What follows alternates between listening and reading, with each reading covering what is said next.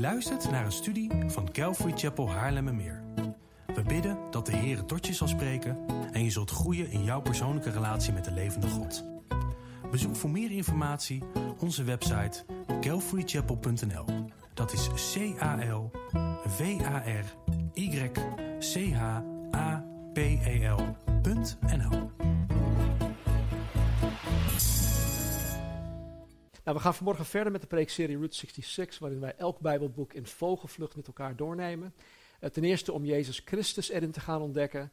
Uh, ten tweede om alle belangrijke levenslessen eruit te halen. En ten derde om het woord van God gewoon beter te leren kennen, zodat wij God beter gaan leren kennen, waardoor ons geloof in God en ons vertrouwen op God zal gaan groeien. En zodat Jezus Christus steeds meer gestalte in ons zal krijgen. Wij worden geheiligd met het doel dat wij veranderd worden dag aan dag van glorie tot glorie naar het evenbeeld van Jezus Christus. En het woord van God, de Heilige Geest gebruikt het woord van God om dat in ons te bewerkstelligen, mits wij het aanvaarden en mits wij er iets mee doen.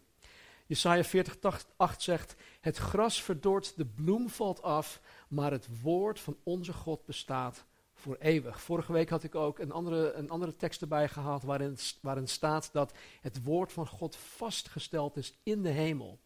En je moet het zo zien dat alles wat in de hemel vastgesteld is, dat staat gewoon voor eeuwig vast.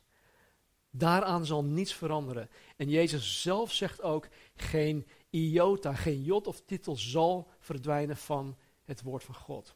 Dus daarom um, besteden wij zoveel aandacht aan het bestuderen van het woord van God, omdat dat ons God laat zien, omdat dat ons verandert naar het beeld van God. Nou, vanmorgen gaan we kijken naar het tiende Bijbelboek 2 Samuel. Dus voor onze oefening kunnen wij weer uh, de eerste tien Bijbelboeken uh, met elkaar uh, ja, noemen. Dat is dan Genesis, Exodus, Leviticus, Numeri, Deuteronomium, Jozua, Richteren, Rut, 1 Samuel en dan 2 Samuel. En uh, 2 Samuel is ja, eigenlijk gewoon een vervolg op de vertelling in 1 Samuel. Het verslag van 1 Samuel gaat gewoon door in 2 Samuel. En 1 Samuel dat ging voornamelijk over de verandering in de regeringsvorm van Israël. Uh, de verandering van een, een, een theocratie naar een monarchie. En dat zal ik zo meteen ook uitleggen. Jozua, uh, had Israël het beloofde land ingeleid. Hij had het land ook grotendeels, maar niet helemaal veroverd. En dat lag niet aan Jozua zelf. En nadat Jozua en die hele generatie stierf, stond er een nieuwe generatie op, staat er in de Bijbel, die de Here niet kende. En dit was dan het begin van de periode van de richteren, wat zo'n 350 jaar lang duurde. Dit was de meest duistere periode uh, in de geschiedenis van Israël omdat er in die dagen, staat er, geen koning was en een ieder deed wat juist was in zijn ogen. Eh, dat leg ik in een andere studie van uh, Richter trouwens uh, ja, uit, wat dat betekent dat er geen koning was. Dus mocht je dat willen weten, ga naar de studie van Richter toe en, ehm, ja, en zie wat, wat daarover gezegd wordt. Nou, deze duistere periode van Richteren eindigde met de komst natuurlijk van de laatste rechter, en dat was Samuel. En God heeft door de bediening van Samuel heen de regeringsvorm veranderd.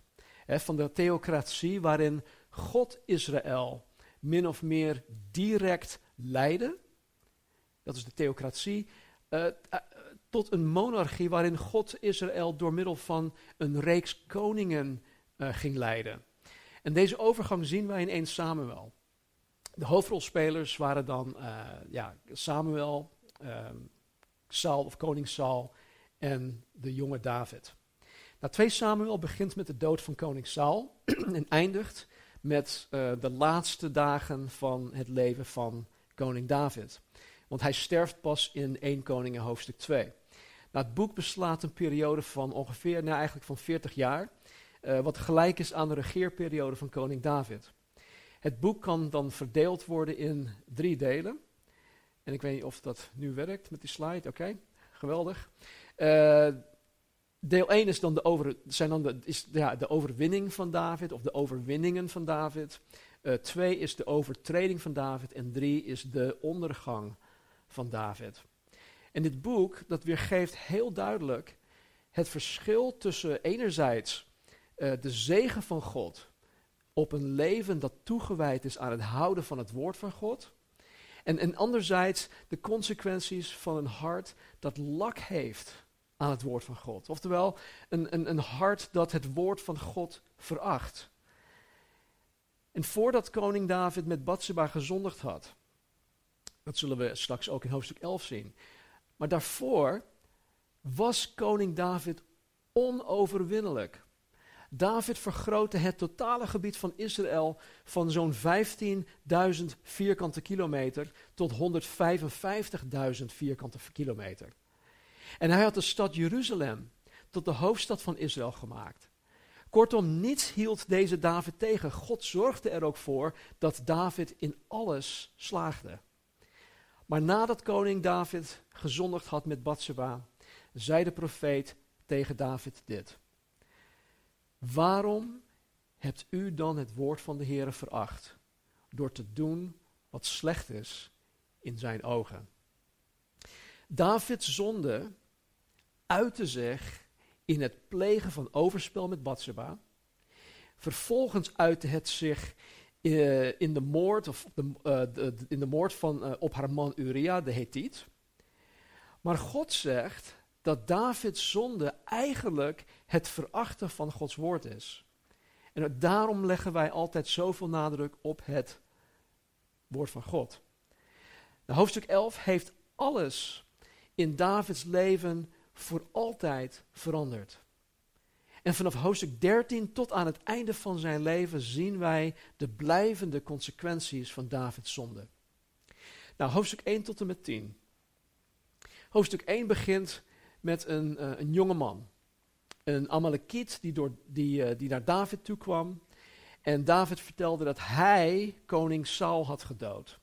Nou, dit was natuurlijk niet waar, want in 1 Samuel 31 zien wij wat wel waar is, of wat wel is gebeurd. En hoe, hoe Saul overleed. Maar deze Amalekiet dacht dat hij door het doden van Saul in Davids gunst zou komen. Maar hij had David totaal verkeerd ingeschat. In 2 Samuel 1 vers 14 staat, David zei tegen deze jonge man, wat? Bent u niet bevreesd geweest uw hand uit te strekken om de gezalfde van de Heere om te brengen? Vervolgens liet David hem neersteken. Het was einde oefening voor deze jonge Amalekiet. Kijk, je, je zou denken dat David al lang blij zou zijn geweest omdat zijn vijand Saul, die hem wilde doden, nu ook dood was. Maar David hief een klaaglied aan over Saul en over Jonathan. En Jezus leert ons in Matthäus 5:44 om zelfs onze vijanden lief te hebben. En David is hierin een perfect voorbeeld. Hij juicht de dood van zijn vijand Saul, Saul niet toe, maar hij rouwt de dood van Saul en van zijn zonen. En hierin zien wij het hart van David. Hierin zien wij dat hij daadwerkelijk ook een, uh, het hart van God heeft. Hier zien wij ook de geestelijke volwassenheid van David. In Ezekiel 33, 11a staat: Zo waar ik leef, hier, dit is God die spreekt, ik vind geen vreugde in de dood van de goddeloze, maar daarin dat de goddeloze zich bekeert van zijn weg en leeft. God vindt absoluut geen vreugde in de dood van een goddeloze, want hij weet wat er na de dood met een goddeloze gaat gebeuren. En God is daar totaal niet blij mee. In hoofdstuk 2 uh, eh, werd David als koning gezalfd. Hij werd als koning gezalfd alleen over de stam van Juda. Maar omdat Saul nu dood was, wilde de, um, de legerbevelhebber van Saul, een zekere Abner, zijn machtspositie behouden. En wat deed hij? Hij stelde een andere zoon van Saul aan tot koning over de overige elf stammen van Israël. Een zeker Ishboset. En door dit te doen zorgde Abner ervoor dat Israël David dus niet als hun koning aanvaarde. Dus alleen Juda aanvaarde David als hun koning en David regeerde over Juda zeven jaar en zes maanden lang. En in deze periode van zeven en een half jaar was er één en al conflict tussen Juda en tussen Israël. Oftewel tussen het huis van Saul en tussen het huis van David. Omdat Israël weigerde David te aanvaarden als de koning die God over Israël had aangesteld. En daarom vond ik het vanmorgen ook zo mooi dat wij mochten zingen, regeer in mij. Wij hebben uh, Jezus Christus als onze koning aanvaard. En hij regeert nu over ons leven. In 2 Samuel 3 vers 1 staat, er was een langdurige strijd tussen het huis van Saul en het huis van David. David werd gaandeweg sterker, maar het huis van Saul werd gaandeweg zwakker. God had David gekozen om koning te zijn. God had David gekozen om koning over heel Israël te zijn. Dus het was slechts een kwestie van tijd dat het huis van Saul zou, zou bezwijken. en dat David koning zou worden. Want Gods wil en Gods plan zullen altijd tot vervulling komen. En daarop vertrouwde David ook. En terecht. Nou, in hoofdstuk 3 tot 4 zien wij verschillende gebeurtenissen rondom deze machtsstrijd waar ik het over had. En die 7,5 jaar periode tussen Juda en Israël. Um, ik ga er vandaag niet verder op in. Maar ik raad jullie aan om dit zelf te lezen, want het is, het is gewoon boeiend. Uh, in hoofdstuk 5 wordt David uiteindelijk gezalfd en aangesteld als de rechtmatige, door God geroepen en aangestelde koning over heel Israël. Dus niet langer alleen over Juda. En dan staat er dit in 2 Samuel 5, vers 1 tot en met 5. Toen kwamen alle stammen van Israël naar David in Hebron en zeiden: Zie, wij zijn uw beenderen en uw vlees. Al eerder toen Saul koning over ons was, was u het die Israël liet uitgaan en ingaan. Ook heeft de Heer tegen u gezegd: U zult mijn volk Israël wijden en u zult tot vorst zijn over Israël. Zo kwamen alle oudsten van Israël bij de koning in Hebron. En koning David sloot met hen in Hebron een verbond voor het aangezicht van de Heer. En zij zalfde koning David tot koning over Israël. Dertig jaar oud was David toen hij koning werd. En veertig jaar heeft hij geregeerd. Te Hebron regeerde hij zeven jaar en zes maanden over Juda. En in Jeruzalem regeerde hij 33 jaar over heel Israël en Juda. Nou, het eerste dat koning David deed nadat hij koning werd gemaakt over uh, heel Israël, was het, het, het, het, het opstellen van een, een hoofdstad. Dus het eerste wat hij deed was het veroveren van de stad dat destijds Jebus heette. Hè, wat uiteindelijk Jeruzalem werd. Zo'n 400 jaar hiervoor moesten de Israëlieten het gehele beloofde land uh, veroveren. Dus ook Jebus. Maar nu was Jeruzalem nog steeds in de handen van de Jebusieten. Omdat, is omdat zij niet alles veroverd hebben wat veroverd moest worden. Jebus, de stad Jebus was ondoordringbaar. En het was ondoordringbaar omdat het gelegen was op een, op een bergtop. En het was omringd door een muur. En het was en is nog steeds omringd door valleien en, en heuvels. Dus als je Jebus um, wilde veroveren, zou je eerst die heuvels, die, om, die, om, die omringende heuvels af moeten gaan. Vervolgens zou je door die valleien heen moeten gaan. En dan nog eens de heuvel of die berg op waar Jebus op stond. En in Koning, uh, Kronieken, uh, sorry, in 1 Kronieken 11 zien wij dat David zijn krijgers uitdaagde en zei dat degene die, die door kon dringen tot Jebus zijn legerbevelhebber zou worden. En het was een zekere Joab die een weg vond om de stad binnen te dringen. Trouwens, uh, we hebben nu te maken met 1 Samuel, 2 Samuel, 1 Koningen, 2 Koningen, 1, 1 Kronieken en 2 Kronieken. 1 Kronieken zou jij boven 2 Samuel kunnen leggen. Want uh, het, het, het, het heeft te maken met dezelfde tijdsperiode, de, de, de regeerperiode van koning David. En uh, 1 Kronieken vult eigenlijk heel veel aan wat dus niet geschreven staat in 2 Samuel. Dus wanneer wij um, nu vrij snel door 2 Samuel heen gaan, zullen wij straks aanvullen wanneer wij uh, met 1 Kronieken bezig zullen gaan. Dus goed, dus Joab die, die vond een manier om um, binnen te dringen en hij werd de legerbevelhebber. Nou, als koning van Israël maakte koning David Jeruzalem dus de hoofdstad van Israël. En dit was niet zomaar een, een willekeurige keus, want volgens Psalm 78, 68 verkoos God zelf de stad Jeruzalem. Nou, we weten dat God um, aan de hand van verschillende Bijbelversen Jeruzalem heeft gekozen als hoofdstad van Israël. En het heeft niet alleen te maken met uh, het verleden. Het heeft ook te maken met het heden en vooral ook met de toekomst. En Jeruzalem staat nu al zo'n 3000 jaar lang bekend als de stad van David. En zowel David als Jezus stierven in Jeruzalem. Jezus zal bij zijn wederkomst ook terugkeren op de Olijfberg aan de oostzijde van Jeruzalem.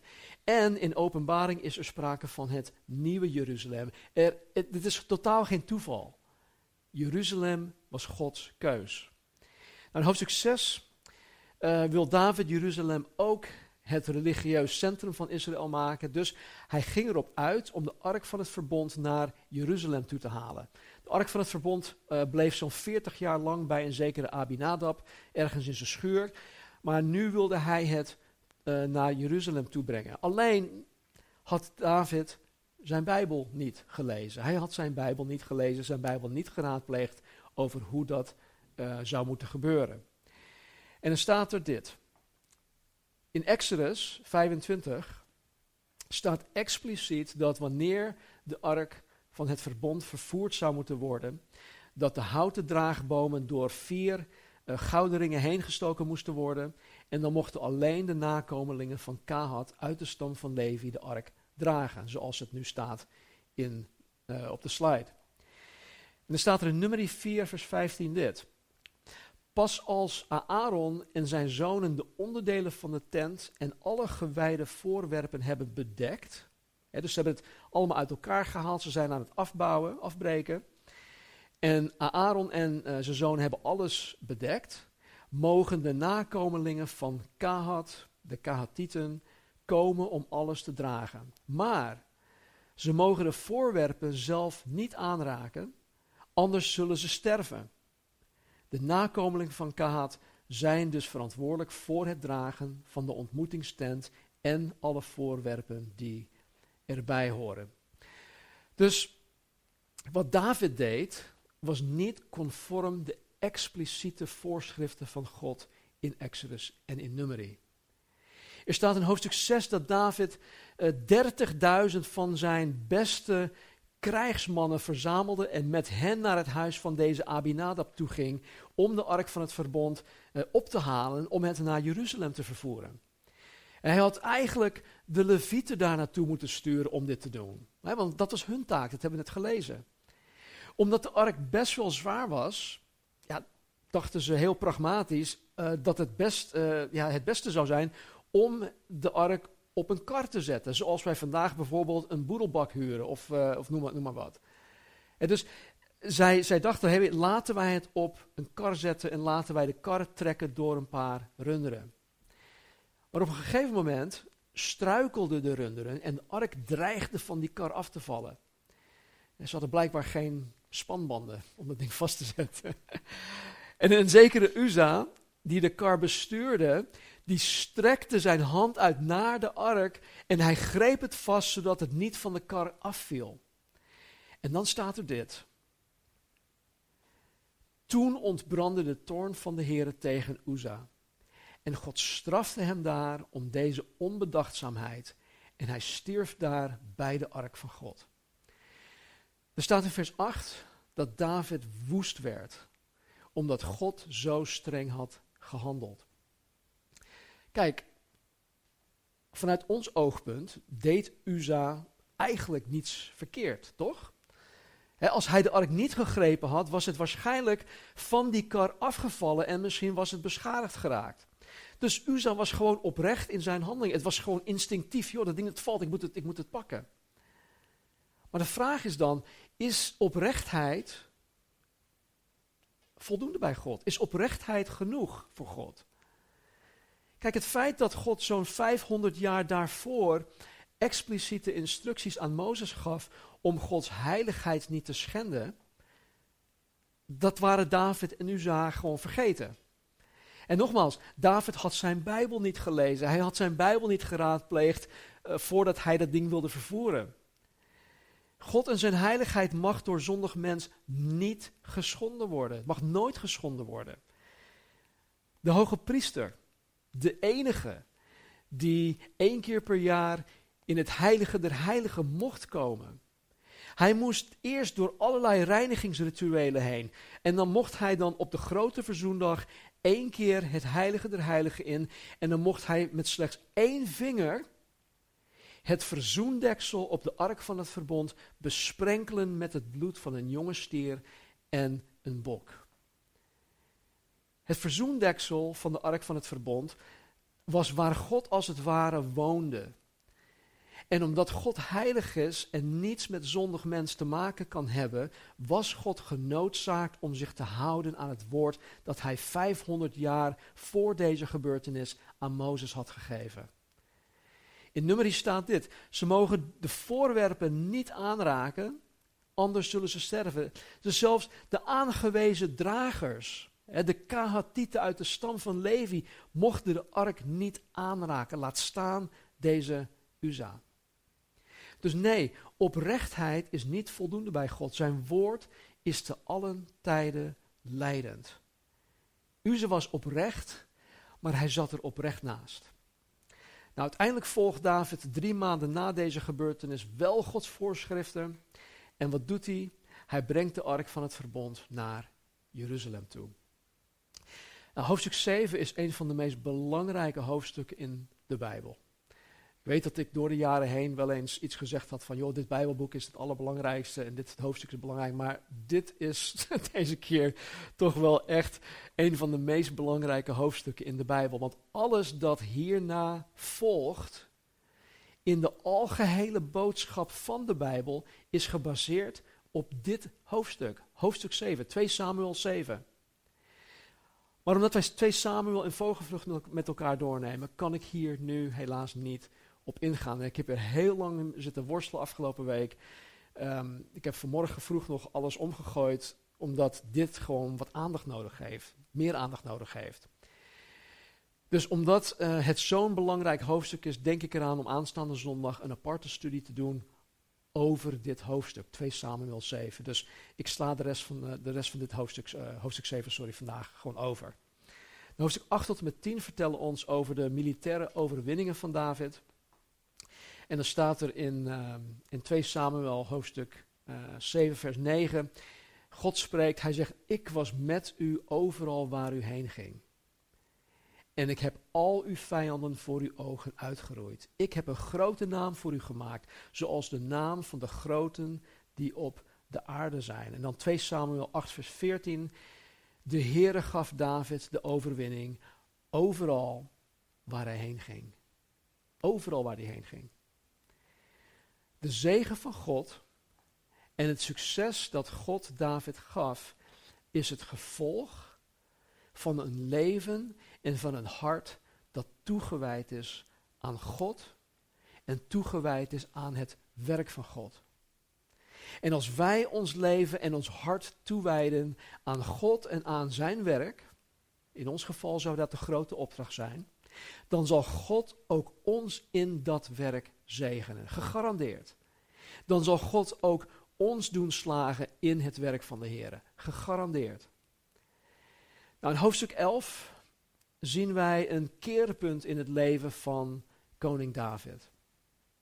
En wat hier gebeurt, verandert alles.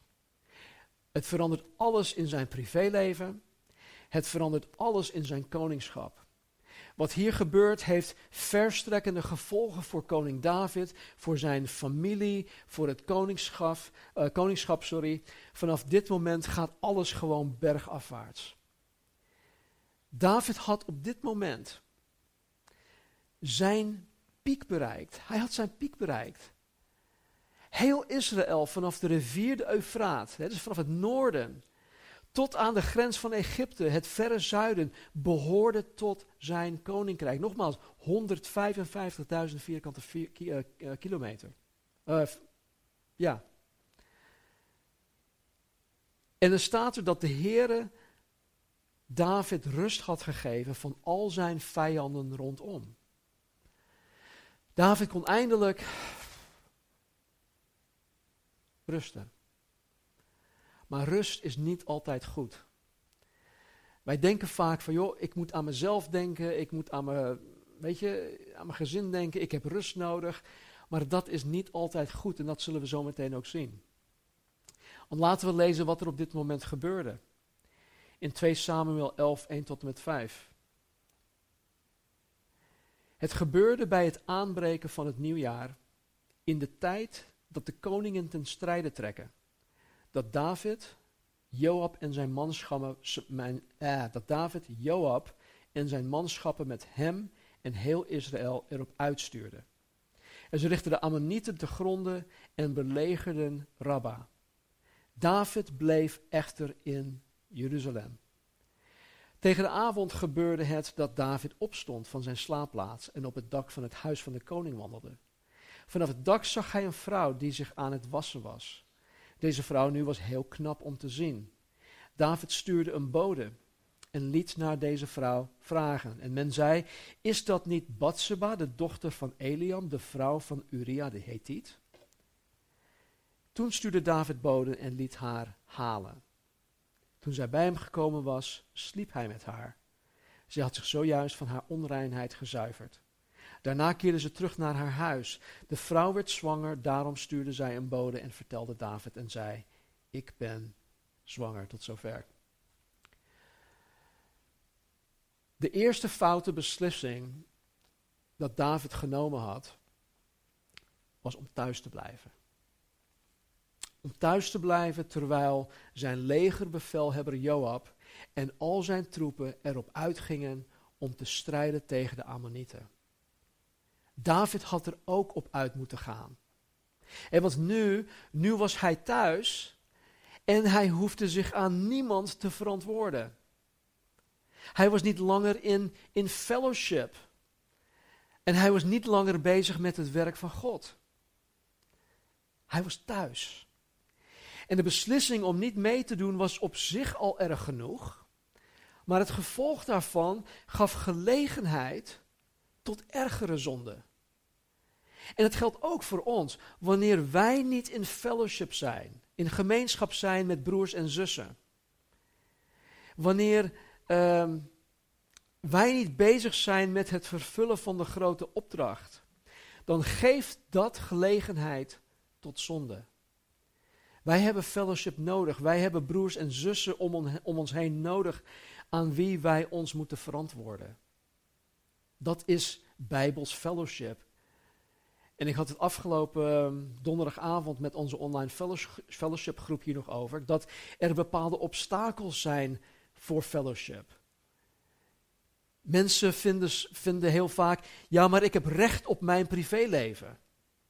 Nou, in Gods koninkrijk is dat niet zo. Mijn leven hoort gewoon een open boek te zijn.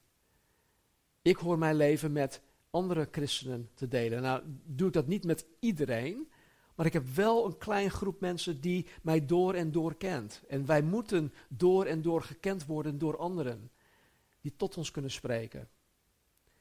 Dus fellowship is belangrijk. En, en, en David die hield zich dus verre weg van deze fellowship.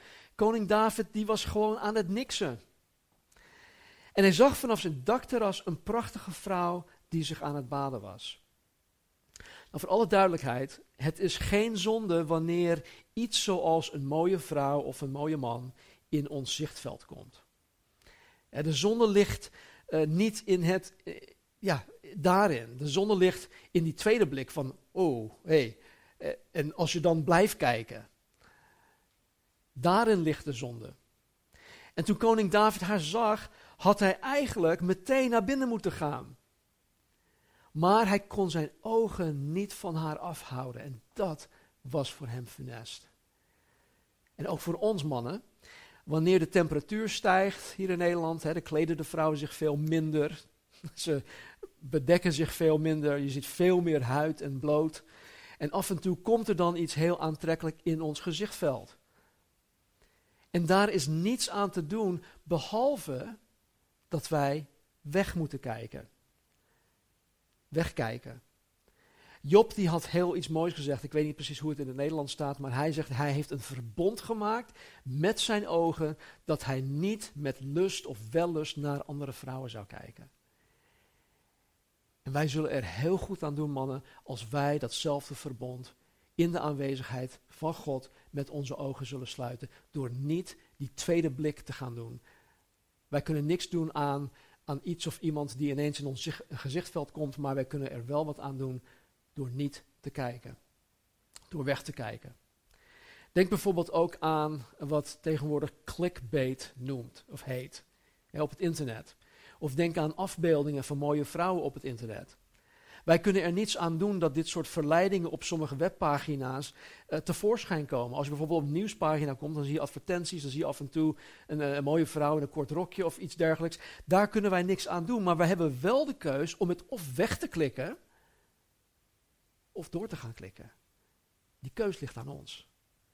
En David, toen hij daar op het dakterras zat, toen hij naar beneden keek, hè, want hij was king of the mountain, toen hij naar beneden keek, zag hij Bathsheba. Zij was naakt, ze was zichzelf aan het baden. En wat deed David? Hij klikte door. David klikte door. Hij liet haar halen en hij ging met haar naar bed en zij raakte zwanger. Dit was Bathsheba, iemands dochter. Dit was Bathsheba, de vrouw van Uria de Hethiet, een van de heldhaftige strijders van koning David zelf. Kijk, het feit dat David een man naar Gods hart genoemd wordt, betekent niet dat David volmaakt was. Het betekent niet dat David zonder zonde was, verre van. Het betekent simpelweg dat David Gods plan vervulde. En het feit dat David hier zo grof zondigde, was iets dat hem, of was niet iets dat hem plotseling overviel. Het was niet zo dat hij vanaf zijn bed opstond, naar het dakterras ging en hij had er totaal geen controle meer over. Koning David had acht vrouwen waar wij weet van hebben. Acht vrouwen. Mag ik zeggen dat wij aan één genoeg hebben, mannen? en vrouwen dat wij ook aan één man genoeg hebben? Ik weet, mijn vrouw heeft er handen vol met mij. Maar wij weten dus dat David acht vrouwen had en, nog, en ook nog eens een hoop bijvrouwen. Bijvrouw, wat is dat nou? Een bijvrouw was gewoon een vriendin, een, een, een scharrel, waaraan hij totaal geen verplichtingen had. Een booty call, zoals dat vandaag de dag ook heet. Maar in Deuteronomium 17:17 17 staat expliciet dat Gods koning niet meerdere vrouwen mocht hebben. Want, er staat er, Anders vervalt hij in afgodendienst. Als een koning meer vrouwen heeft en bijvrouwen heeft, zal hij in afgodendienst vervallen. En, en, en, koning David had op dit gebied concessies gedaan. En doordat hij zich niet hield aan wat God al in Genesis had vastgesteld, hè, dat het huwelijk tussen één man en één vrouw moest zijn, was hij op dit moment, op het moment dat hij op zijn dakterras stond, ongevoelig voor wat God van hem vereiste. En dat was om weg te gaan, om weg te kijken. Zijn geweten raakte door deze concessies door de jaren heen gewoon afgestompt. En hij vond het oké om naar Batseba te kijken. Deze zonde met Batseba overviel koning David dus totaal niet. Het was het gevolg van een proces dat jaren daarvoor al op gang gezet werd door concessies te doen. Op het gebied van het huwelijk. Zijn lust voor vrouwen werd een afgod. Dat is de afgodendienst waar Mozes het over had. Zijn lust voor vrouwen werd een afgod. Dus koning David pleegde overspel met Batseba, waardoor zij zwanger raakte. En kijk hoe deze zonde zich nu gaat ontwikkelen. 2 Samuel 11, vers 6.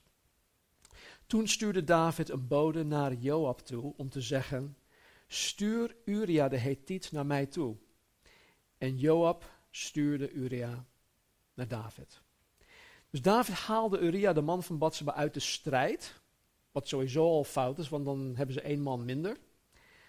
Maar hij haalde de man uit de strijd, zodat hij naar, uh, zodat hem ja, een beetje kon, kon aanmoedigen om naar zijn eigen huis toe te gaan.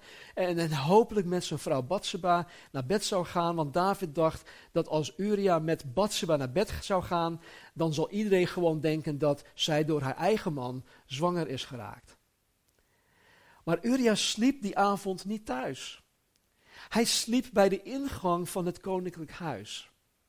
Hij zei tegen David dat hij het absoluut niet kon veroorloven om lekker thuis in zijn eigen bed met zijn eigen vrouw te gaan slapen, terwijl al zijn vrienden, al zijn kameraden aan de gevechtslinie in het open veld ehm, hun kamp hadden opgeslagen. Hij kon dat gewoon voor zichzelf niet maken. En toen David dus merkte dat Uria zo'n integere man was, wat waarschijnlijk een dolk was in, in het hart van David, nodigde hij Uria uit om aan tafel van de koning te zitten om hem dronken te krijgen. en David ging ervan uit dat als, als Uria dronken is, dat hij zeker naar huis toe zou gaan en zeker met zijn vrouw naar bed toe gaan. Maar ook nu ging Uria niet naar zijn eigen huis. En toen David eindelijk doorkreeg dat Uria niet met zijn vrouw naar bed zou gaan, was er maar één ding om te doen. En zo besloot David om Uria te doden. Weet je, een, een, een ongeremde zonde zal altijd leiden tot meer zonden. Davids lust leidde tot overspel. Zijn overspel leidde tot bedrog. Bedrog leidde tot uitlokking. En uitlokking leidde uiteindelijk tot moord. En hierna verborg David zijn zonde voor bijna een jaar lang. En dan staat er in, in die periode, of in die periode, staat in de Bijbel dat hij gewoon ontzettend ellendig was. En het was ook in die periode dat hij onder andere Psalm 32 en Psalm 51 schreef. En dan staat er in Psalm 32, vers 3 en 4: Eerst verzweeg ik mijn zonde. Ik bezweek eronder. Ik kon de hele dag wel schreeuwen of huilen. Heer, dag en nacht zette u mij onder druk. Ik voelde me lusteloos als in de hitte van de zomer. Maar ondanks dat David zijn zonde verborg, bleef God trouw. Bleef God geduldig op David wachten. Totdat God gewoon bij God de maat vol was en God zelf ingreep en de profeet Nathan naar David stuurde. En zo is het vaak ook bij ons. Wij gaan net zo lang door omdat wij denken: hé, hey, God, hij laat het blijkbaar toe. Hij vindt het blijkbaar niet zo erg dat ik dit, dit en dat doe. Maar wij, wij denken vaak dat God onze zonde, dat hij misschien dit doet, dat hij, dat hij ze doogt. Maar dat, is, dat, is, dat hebben wij mis, want vroeg of laat zal God ook met ons korte metten maken. En kijk wat hij met David doet. In hoofdstuk 12 lezen wij dat de profeet Nathan naar David toekwam en hem een verhaal vertelde. Een verhaal over een rijke man die heel veel schapen, heel veel runderen had. En dan was er ook nog eens een arme man die slechts één klein ooilammetje had. die bij hem thuis woonde, dat hij verzorgde. En hij, het, het, at samen met hem gewoon aan tafel. Het, staat dat hij vanaf zijn bord at en, enzovoort enzovoort. Dus het was echt zijn lieveling geworden. Hij verzorgde dat ooilammetje alsof het zijn eigen kind was, zijn eigen dochter. Dit, ooi, dit ooilammetje was gewoon alles voor deze arme man in het verhaal. En toen er iemand bij deze rijke man op bezoek kwam, wilde de rijke man niet een van zijn eigen schapen of een van zijn eigen runderen uh, slachten om een maaltijd voor het bezoek te bereiden. Dus nam hij het ooilammetje van deze arme man af en maakte daarvan een maaltijd. Nou, toen David dit aanhoorde, werd hij woest. Hij dacht dat dit een, een, waar gebeurd verhaal was. Hij werd woest. En, en, en hij zei dat deze, deze rijke man meteen de doodstraf zou moeten krijgen. En dat het ooilam viervoudig vergoed zou moeten worden. Nou, de doodstraf is, is, is niet volgens de wet het vergoeden van, hè, met vier ooilammen wel. Dus David die, die, was, die, die reageerde gewoon uit, uit boosheid, uit emotie.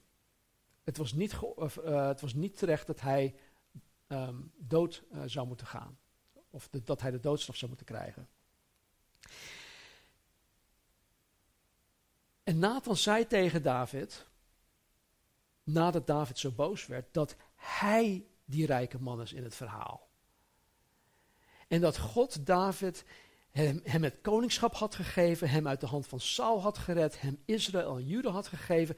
En dan vraagt God door, door de profeet Nathan heen, waarom hebt u dan het woord van de Heere veracht door te doen wat slecht is in zijn ogen? Weet je, ik, vraag, ik vroeg me af, waarom kwam Nathan met dit verhaal? Hij als profeet van God kon net zo goed gewoon boem, direct tegen David zeggen, luister vriend, jij hebt dit, dit en dat gedaan, jij zit fout. Maar ik geloof dat het mens eigen is om onze eigen zonde niet in te zien of niet in te willen zien. Hè, dat wij blinde vlekken hebben, zelfs bewuste blinde vlekken hebben, dat wij dit doen bij onszelf. En op het moment dat wij onze eigen zonde in een ander zien, dat die en die en die, oh wat is die persoon slecht, kijk, kijk eens naar die en die. Als we onze eigen zonde in een ander zien, dan is het ineens wel zondig. Dan is het ineens wel iets om boos over te worden, maar over onze eigen zonde niet. Dus ik geloof echt dat, dat God de profeet Nathan deze wijsheid had gegeven om dit verhaal te vertellen, zodat David zijn eigen zonde in een ander kon zien. Want wij willen het vaak gewoon niet zien. In 2 Samuel 12, 10 tot en met 14 staat daarom, en God spreekt eigenlijk tot, of hij spreekt tot David nu, daarom zal er in jouw koningshuis altijd moord en doodslag voorkomen. Want jij hebt mij, God, aan de kant gezet. De Hethiet Uria, zijn vrouw, afgenomen en haar jouw vrouw gemaakt. Ik, de Heere, zeg je dit. Je eigen familie wordt een bron van rampen voor je. Je zult moeten aanzien dat ik jou je vrouwen afneem en hen aan een ander geef, die hier op klaarlichte dag bij hen zal slapen. Jij hebt in het diepste geheim gehandeld, maar ik zal deze bedreiging uitvoeren ten aanschouwen van heel Israël en in het volle daglicht. En David zei tegen Nathan, ik heb tegen de Heere gezondigd. De Heere vergeeft uw zonde, antwoordde Nathan, want u zult niet sterven. Maar omdat u door deze daad de vijanden van de Heere een reden hebt gegeven om te lasteren, moet wel uw pasgeboren kind sterven. Wat, wat een gigantisch groot verlies. Dit is echt iets om over te huilen. Dit is zo ontzettend triest. En tegelijk zien wij de genade van God doordat God David hem had vergeven en hem niet had gedood. Wat een genade van God.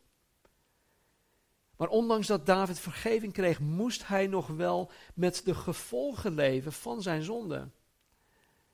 En vanaf dit moment zou zijn leven voor altijd anders zijn. Zijn leven zal vanaf dit moment gekenmerkt worden of zijn door één en al ellende. In 2 Samuel en in 1 Kronieken zien wij slechts de buitenkant van David. die externe handelingen van David. Maar in de psalmen, vooral in psalm 32 en 51, zien wij het hart van koning David. Wat er, wat er binnenin hem gebeurt. In 2 Samuel zien we alleen de buitenkant. Maar in, in de psalmen zien wij wat er in het diepst van in zijn hart gebeurt. En dan staat er in Psalm 32, 1 tot en met 4 dit. David spreekt hier. Gelukkig of welzalig ben je als God je vergeeft. En vergeet wat je misdaan hebt. Gelukkig ben je als de Heer je niets ten laste legt en je vrij uit kunt spreken. Eerst verzweeg ik mijn zonde. Ik bezweek eronder. Ik kon de hele dag wel schreeuwen, ik kon de hele dag wel huilen. Heer, dag en nacht zette u mij onder druk. Ik voelde me lusteloos als in de hitte van de zomer. En dan in Psalm 1, of sorry, 51, de hele psalm. Er staat er, Psalm 51, vers 1, een psalm van David voor de koorleider. Toen de profeet Nathan bij hem was gekomen nadat hij bij Batseba was gekomen. Wees mij genadig, o God, overeenkomstig uw goedertierenheid. Delg mijn overtreding uit overeenkomstig uw grote barmhartigheid. Was mij schoon van mijn ongerechtigheid, reinig mij van mijn zonde. Want ik ken mijn overtredingen, mijn zonde staat mij voortdurend voor ogen. Tegen u, u alleen heb ik gezondigd. Ik heb gedaan wat kwaad is in uw ogen, zodat u rechtvaardig bent wanneer u recht spreekt en rein bent wanneer u oordeelt. Zie, ik ben in ongerechtigheid geboren, in zonde heeft mijn moeder mij ontvangen. Zie, u vindt vreugde in waarheid, in het binnenste. In het verborgene maakt u mij wijsheid bekend. Ontzondig mij met Hissop, dan zal ik rein zijn. Was mij, dan zal ik witter zijn dan de sneeuw. Doe mij vreugde en blijdschap horen. Laat de beenderen zich verheugen die u verbrijzeld hebt. Verberg uw aangezicht voor mijn zonden. Delg al mijn overtredingen uit, of om mijn ongerechtigheden uit. Schep mij een rein hart, o God, en vernieuw in mij, in mijn binnenste, een standvastige geest. Verwerp mij niet van voor uw aangezicht en neem uw heilige geest niet van mij weg. Geef mij de vreugde over uw heil terug. Ondersteun mij met een geest van vrijmoedigheid. Dan zal ik overtreders, dan zal ik overtreders uw wegen leren en zondaars zullen zich tot u bekeren. De grote opdracht. Red mij van bloedschulden, o God, God van mijn heil dan zal mijn tong vrolijk zingen van uw gerechtigheid. Heere, open mijn lippen, dan zal mijn mond uw lof verkondigen, want u vindt geen vreugde in offers, anders zou ik ze brengen. In brandoffers schept u geen behagen. De offers voor God zijn een gebroken geest, een verbrijzeld en verslagen hart zult u, o God, niet verachten. Doe goed aan Sion, naar uw welbehagen. Bouw de muren van Jeruzalem op, dan zult u vreugde vinden in offers van gerechtigheid, in een brandoffer en een offer dat geheel verteerd wordt. Dan zal men jonge stieren offeren op uw altaar. Zover. Kijk, in, in tegenstelling tot koning Saul, eh, die met veel mooie woorden sprak nadat hij gezondigd had, tot meerdere malen toe zelfs. En zelfs met krokodillentranen zijn zogenaamde berouw uiten. In tegenstelling tot koning meent koning David dit echt. Davids berouw en Davids bekering is echt. En hoe grof de zonde van David ook was, hij bleef een man naar Gods hart. Want zelfs terwijl God hem voor zijn zonde strafte, hè, dus de rest van zijn leven, bleef David trouw aan God en aan het vervullen van Gods plan. En vanaf hoofdstuk 13 tot het einde zien wij dat het zoontje van David en Batseba inderdaad een week na zijn geboorte overleed, zoals God het had gezegd. We zien ook dat Davids dochter Tamar verkracht werd door haar halfbroer Amnon. Vervolgens doodde Davids zoon Absalom deze Amnon. Daarna pleegde Absalom uh, hoog verraad door het koningschap van David omver te werpen. wat hem trouwens niet is gelukt. En dan Joab, de, de legerbevelhebber, doodde deze Absalom, de zoon van David, enzovoort, enzovoort. En het is één en al ellende vanaf dit punt tot aan het einde van zijn leven. Maar ondanks al deze ellende bleef David trouw aan God. En alhoewel hij hier en daar wat misstappen beging, vervulde hij uiteindelijk wel Gods wil en Gods plan. Hij bleef een man naar Gods hart. Nou, tot slot dit.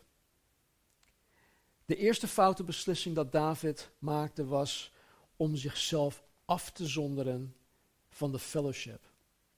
En door zich niet in te zetten voor het werk van de Heer, waardoor hij thuis zat te niksen. Waardoor hij in verleiding raakte. waardoor hij zondigde, waardoor zijn leven geruineerd werd. Wat doe jij? Wat, wat doe jij om ervoor te zorgen dat je in fellowship blijft? Wat doe jij om te zorgen dat je in fellowship blijft, hè, dat je mensen in je leven hebt waaraan je verantwoording aflegt? Mensen die in liefde ervoor zorgen dat je niet zit te niksen. Wat doe jij aan de grote opdracht? Kijk, fellowship en het arbeiden in Gods wijngaard is een keus. Het is een keus die wij mogen maken. En ik hoop en ik bid en ik zet me in elke zondag opnieuw. Dat jullie het doorkrijgen, dat jij het doorkrijgt, dat je fellowship nodig hebt. En dat je jezelf moet inzetten als arbeider in Gods wijngaard dat je de grote opdracht moet vervullen. De grote opdracht is niet alleen voor de professionals. De grote opdracht is voor elke volgeling van Jezus Christus. Wat doe jij om ervoor te zorgen dat je jezelf niet in de gelegenheid stelt om te gaan zondigen? Zorg je ervoor dat je niet op bepaalde plekken terechtkomt? Het zij fysiek, het zij online. Zorg je ervoor dat je niet met mensen omgaat die een slechte invloed op jouw leven hebben. Kijk, zonde, zonde is een overdraagbare aandoening. Zonde is een overdraagbare aandoening. Uh, Nederlands spreekwoord, wie met pek omgaat, wordt ermee besmet. Blijf dus zo ver mogelijk bij deze verleidingen vandaan. Klik niet door zoals David doorklikte. Maar klik het weg. En dan bedoel ik niet alleen online, maar klik het gewoon weg. Altijd. In 1 Johannes, uh, hoofdstuk 2, vers 1, staan zulke mooie woorden. Johannes schrijft hier als hele oude broeder. En hij ziet ons, hij ziet de kerk als zijn kinderen. Hij zegt, mijn kinderen, ik schrijf dit om u te helpen niet te zondigen. Hij schreef zijn brief, 1 Johannes, om ons te helpen om niet te zondigen. Maar mocht een van u toch zondigen, weet dan dat we bij de Vader iemand hebben die voor ons pleit en die rechtvaardig is, Jezus Christus. Kijk, wanneer wij als wedergeboren christenen zondigen, dan is vergeving van die zonden altijd mogelijk. En als jij vandaag nog geen wedergeboren christen bent en je bent gewoon een zondaar en je schaamt je ervoor en je voelt je helemaal belast en beroerd over wat je in het verleden gedaan hebt, dan is die vergeving ook voor jou beschikbaar. Want dezelfde Johannes zegt in hoofdstuk 1, vers 9: Als wij onze zonde beleiden, hij, God, is getrouw en rechtvaardig om ons de zonde te vergeven en ons te reinigen van alle ongerechtigheid. Dit is waarheid. Dit is waarheid. En dit is wat wij nodig hebben. En daarom vieren wij het heilig avondmaal, om ons eraan te herinneren dat er bij God altijd een weg terug is. Bij God is er altijd een weg terug. Zolang jij adem in je longen hebt, hier op aarde, is er een weg naar God. Er is niets dat jij gedaan hebt dat God niet kan vergeven. Niets. Er is maar één onvergeeflijke zonde. Eén. Eén onvergeeflijke zonde. En dat is de zonde van het verwerpen van Jezus Christus. En zolang jij Jezus Christus niet hebt verworpen, dan is er altijd een weg naar God. Dus als jij vandaag komt te overlijden zonder dat je je leven aan Jezus Christus hebt gegeven, zonder dat je je hebt bekeerd, zonder dat je zijn vergeving hebt aanvaard, dan zal je voor eeuwig verloren gaan. En nogmaals, God heeft geen behagen in de dood van een goddeloze. Dus ook voor jou geldt dat. Maar God heeft jou zo lief, zegt Johannes, dat hij zijn enige geboren zoon gegeven heeft, opdat ieder die in hem gelooft, en een ieder, dat ben jij, niet verloren gaat, maar eeuwig leven heeft. Dus wees een David. Zie in dat je een zondaar bent. Dat je tegen de God van de Bijbel gezondigd hebt. En heb daarover oprecht en echt berouw. En bekeer je van die zonde. En de Heere zal jou vergeven. Gegarandeerd. Laten we bidden. Heere God, dank u wel dat u ons het woord uit 2 Samuel hebt gegeven. Heere, gebruik ook, Heere, wat ik vanmorgen hebt gebracht, heren. Om ons te doen veranderen. Ik bid voor degenen die u nog niet kennen, heren, dat zij vandaag zullen kiezen om tot bekering te komen. Dat zij vandaag zullen kiezen om uh, ja, zich, zich te bekeren, Heer. Dat zij vandaag zullen kiezen om Jezus te aanvaarden als hun heiland en verlosser en Heer over hun leven. Dus Heer, doe het werk door uw Heilige Geest in elk hart op dit moment. Van de jongste tot de alleroudste, wie dan ook. Maar doe uw werk. En vader, voor wij, voor, wij die, die geloven, Heer, die misschien al 10, 20, 30 jaar uh, christen zijn. Heer, als wij onszelf van de fellowship hebben afgezonderd. Als wij niet bezig zijn met het arbeiden in uw wijngaard. Als wij niet bezig zijn met het vervullen van de grote opdracht. Vader, vergeef het ons, vergeef het ons nu. En help ons om vanmorgen met een schone lei te beginnen. En dan ook om die keus te maken, de juiste keus te maken, om fellowship op te gaan zoeken. Om aan u te vragen, om gewoon dingen te gaan doen, om te arbeiden in uw wijngaard. En als we niet weten hoe, vader, laat die persoon of die personen uitreiken naar anderen. Help, eh, laat er een hulpvraag komen. Maar laat hun niet in die benarde positie blijven waarin zij geen fellowship hebben en waarin zij niet arbeiden voor het koninkrijk. Dus doe vandaag wat u wil met ons. Gaat uw gang. U bent de Heer. U bent Heer over mijn leven, over ons leven. Doe met mij, doe met ons wat u wil, wat u behaagt. Dat vragen wij in Jezus' naam. Amen. Jezus stelde het nieuwe verbond in. Het oud verbond van Mozes, het oud verbond van het Oude Testament. Dat geldt nu niet, want Jezus is gekomen en hij stelde het nieuw verbond aan in. En er staat in Matthäus 26 dit. En terwijl zij aten, dus Jezus at samen met zijn discipelen, nam Jezus het brood en nadat hij het gezegend had, brak hij het. Hij brak het in stukken en hij gaf het aan zijn discipelen. En hij zei, neem, eet, dit is mijn lichaam dit is mijn lichaam.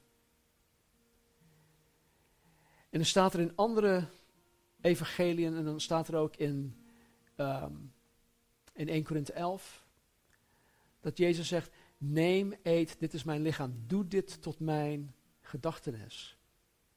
En wanneer wij dit doen, beleiden wij de dood van de Here totdat hij terugkomt. Dus wij verklaren hiermee dat Jezus inderdaad voor mijn, voor mijn zonde aan het kruis gestorven is. En dat ik nu mag uitkijken naar zijn terugkomst. Ik kijk uit naar de opname van de gemeente en ik kijk uit naar zijn wederkomst. Wanneer hij hier op aarde zijn duizendjarig rijk zal gaan vestigen. En daarna het nieuw Jeruzalem, nieuwe hemel, nieuwe aarde. Wat een toekomstperspectief heeft de wedergeboren christen. Dus hij brak het en hij gaf het aan, aan zijn discipelen en hij zei, neem, eet, dit is zijn, mijn lichaam. Dus laten wij het samen ook eten.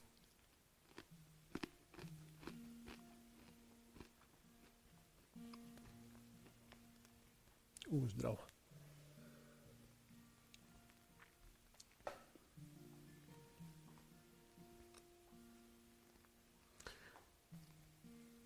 Hij nam vervolgens ook de drinkbeker. En nadat hij gedankt had, gaf hij hun die. En hij zei, drink allen daaruit, want dit is mijn bloed. Het vertegenwoordigt mijn bloed, het bloed van het nieuwe verbond dat voor velen vergoten wordt tot vergeving van zonde.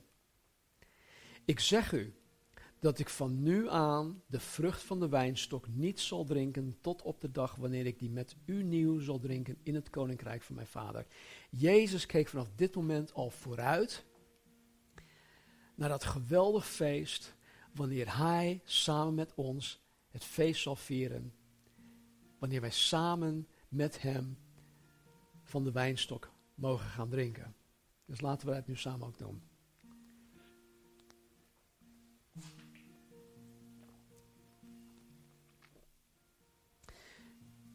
Ik wil nog één tekst voorlezen uit Hebreeën hoofdstuk 13, waarmee ik de dienst afsluit. En dan komt André nog met een slotlied.